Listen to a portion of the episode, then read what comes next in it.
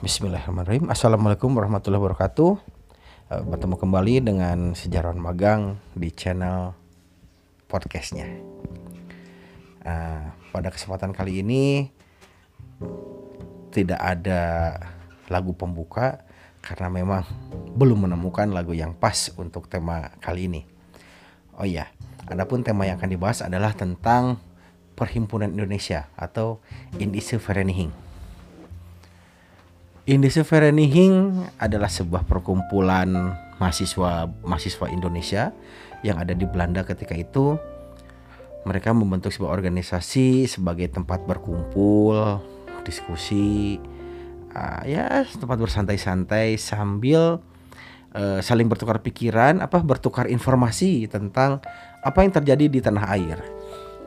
Nah, Indische Vereniging sendiri dibentuk pada tahun 1908 bersamaan dengan Budi Utomo.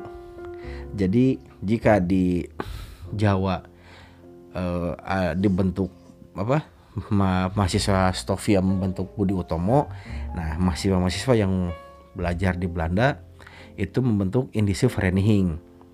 Tentu saja tidak ada apa ya, tidak ada perjanjian terlebih dahulu apa kesepakatan ayo kita bikin organisasi gitu nggak ada karena ketika itu eh, komunikasi masih sangat terbatas. Jadi hanya kebetulan saja.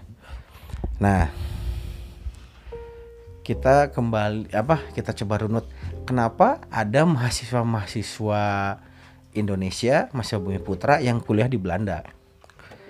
Itu rupanya eh, apa ya sebagai realisasi dari politik etis yang diperkenalkan yang dikenalkan oleh Van de Venter ketika itu Van de Venter uh, menuntut pemerintah kolonial untuk bisa memberi sedikit balas budi lah terhadap tanah jajahannya yang telah banyak memberikan keuntungan secara materi kepada kerajaan Belanda atau negara induknya. Uh, isi politik etis itu sebagaimana kita ketahui ada uh, edukasi, transmigrasi dan irigasi, perbaikan uh, saluran air, per, uh, pertanian segala macam. Nah, untuk yang diedukasi ini di pendidikan, pemerintah memberikan beasiswa kepada anak-anak uh, dari golongan bangsawan atau pegawai pemerintah. Ya intinya kelompok elit lah, kelompok elit masyarakat pribumi untuk uh, bersekolah di Belanda. Jurusan yang diambil biasanya jurusan hukum, kedokteran dan ekonomi. dan teknik ada juga yang teknik. Nah, pada per awal dibentuknya itu pada 1908 masih non politis, hanya perkumpulan sosial saja. Nah, namun mereka pemikiran mereka berkembang ketika pada 1912 atau 1913 itu uh, dari Hindia Belanda dibuang tiga serangkai.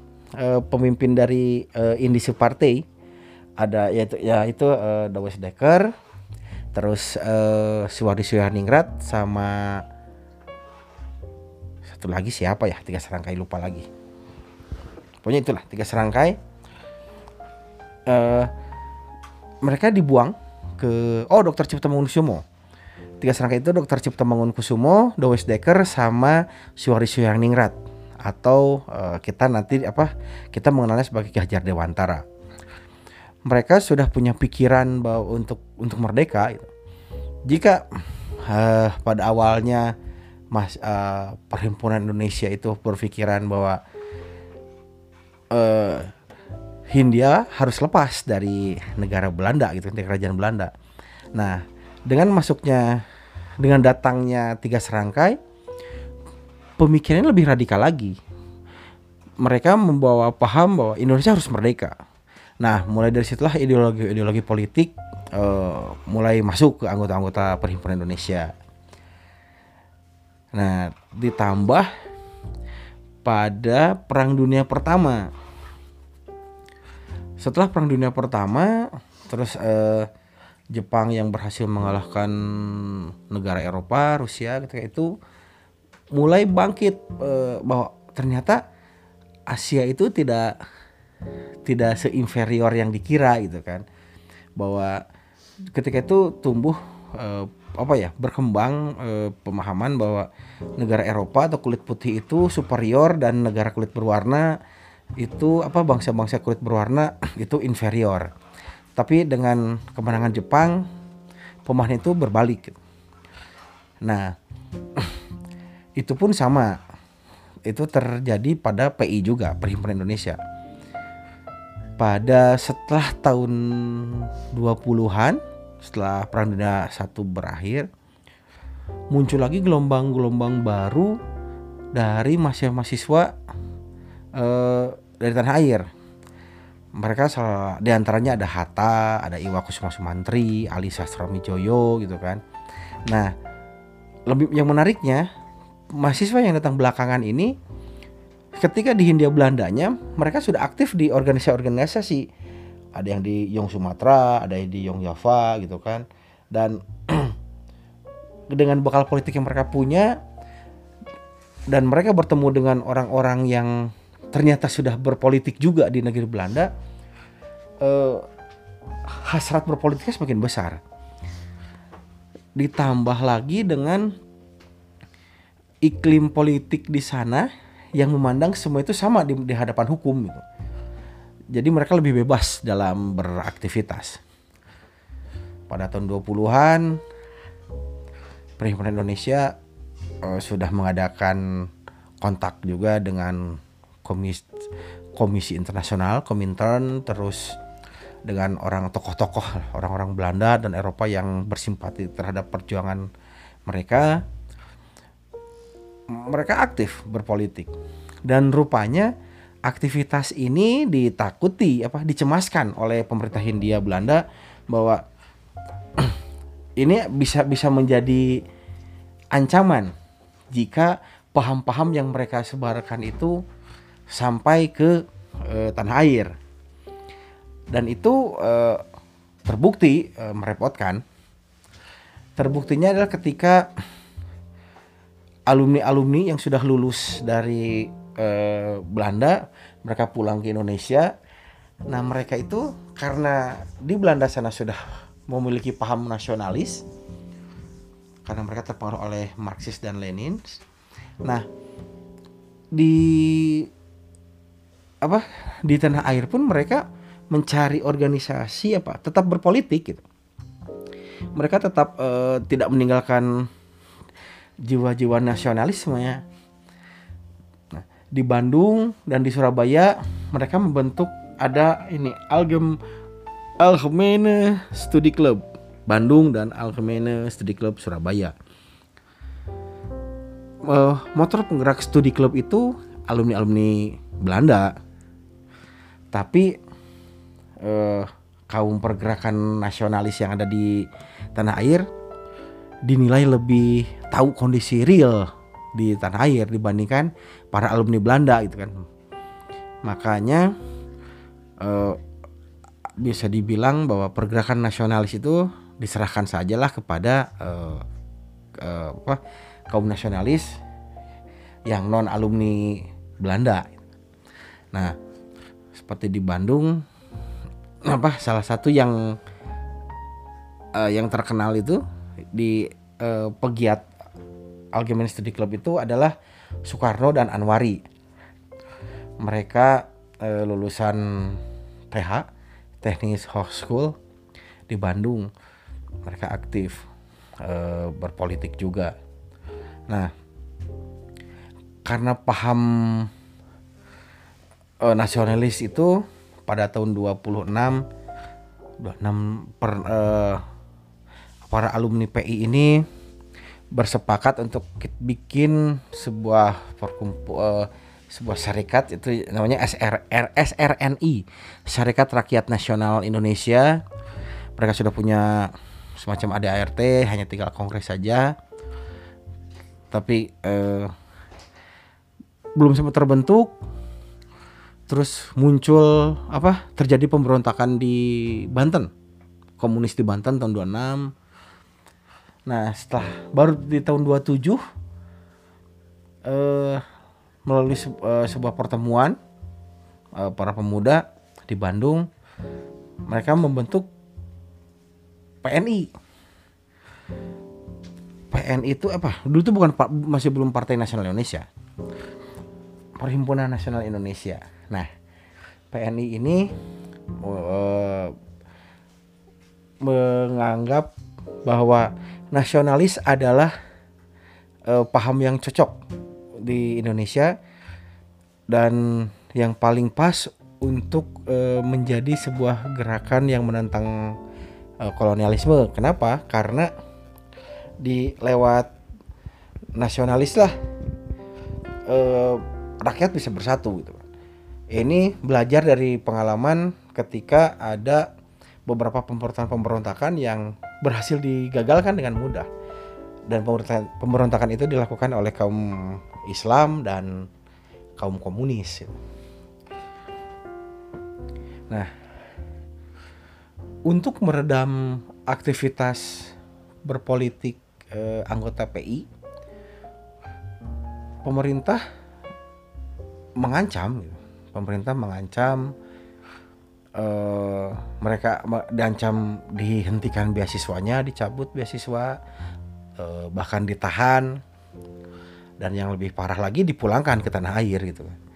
Nah, untuk uh, anggota PI yang berasal dari keluarga pegawai pemerintah itu yang diancam adalah orang tuanya orang tuanya diancam akan apa dipotong semua tunjangannya dan fasilitas-fasilitas yang diberikan oleh negara jika terbukti anaknya terlibat perhimpunan Indonesia dan mereka ah, membujuk harus harus bisa membujuk anaknya agar tidak aktif di perhimpunan Indonesia uh, pemerintah sampai segitunya gitu untuk uh, menghentikan aktivitas politik perhimpunan Indonesia kaum kaum terpelajar ini gitu.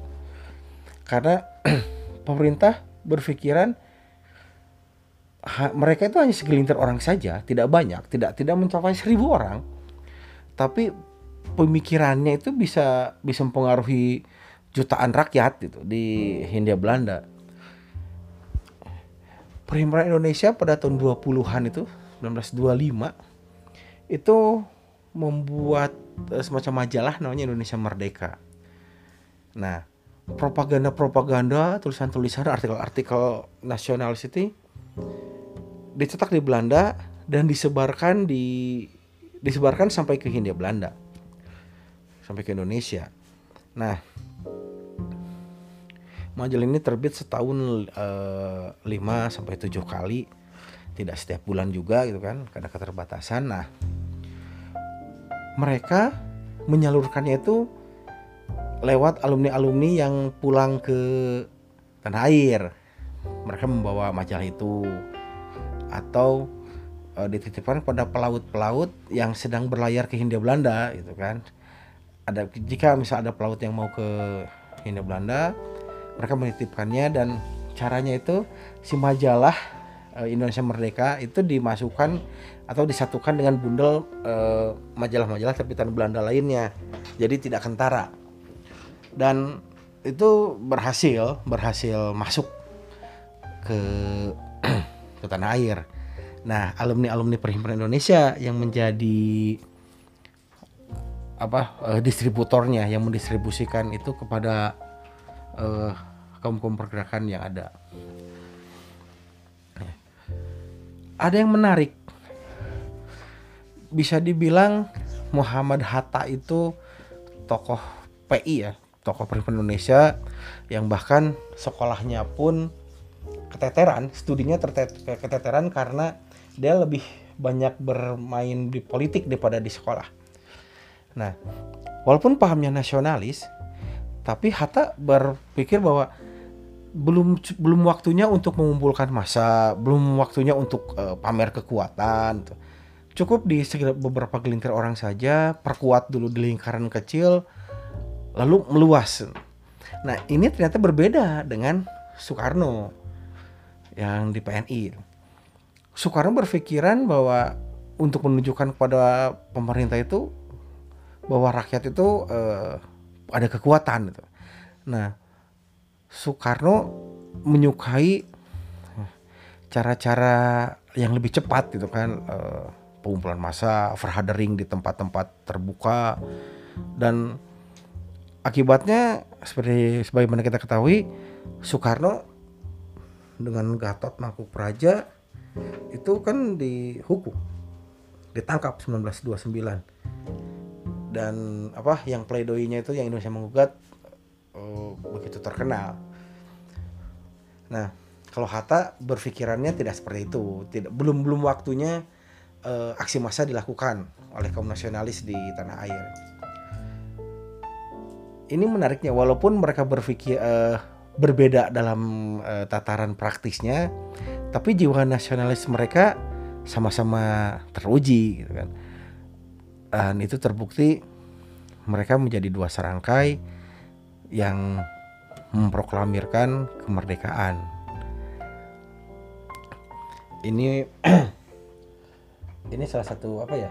Salah satu uh, bagaimana beberapa kelintir orang dengan pemikiran-pemikirannya dengan gerakan-gerakan yang terstruktur dan masif bisa mempengaruhi banyak orang, ribuan bahkan jutaan orang.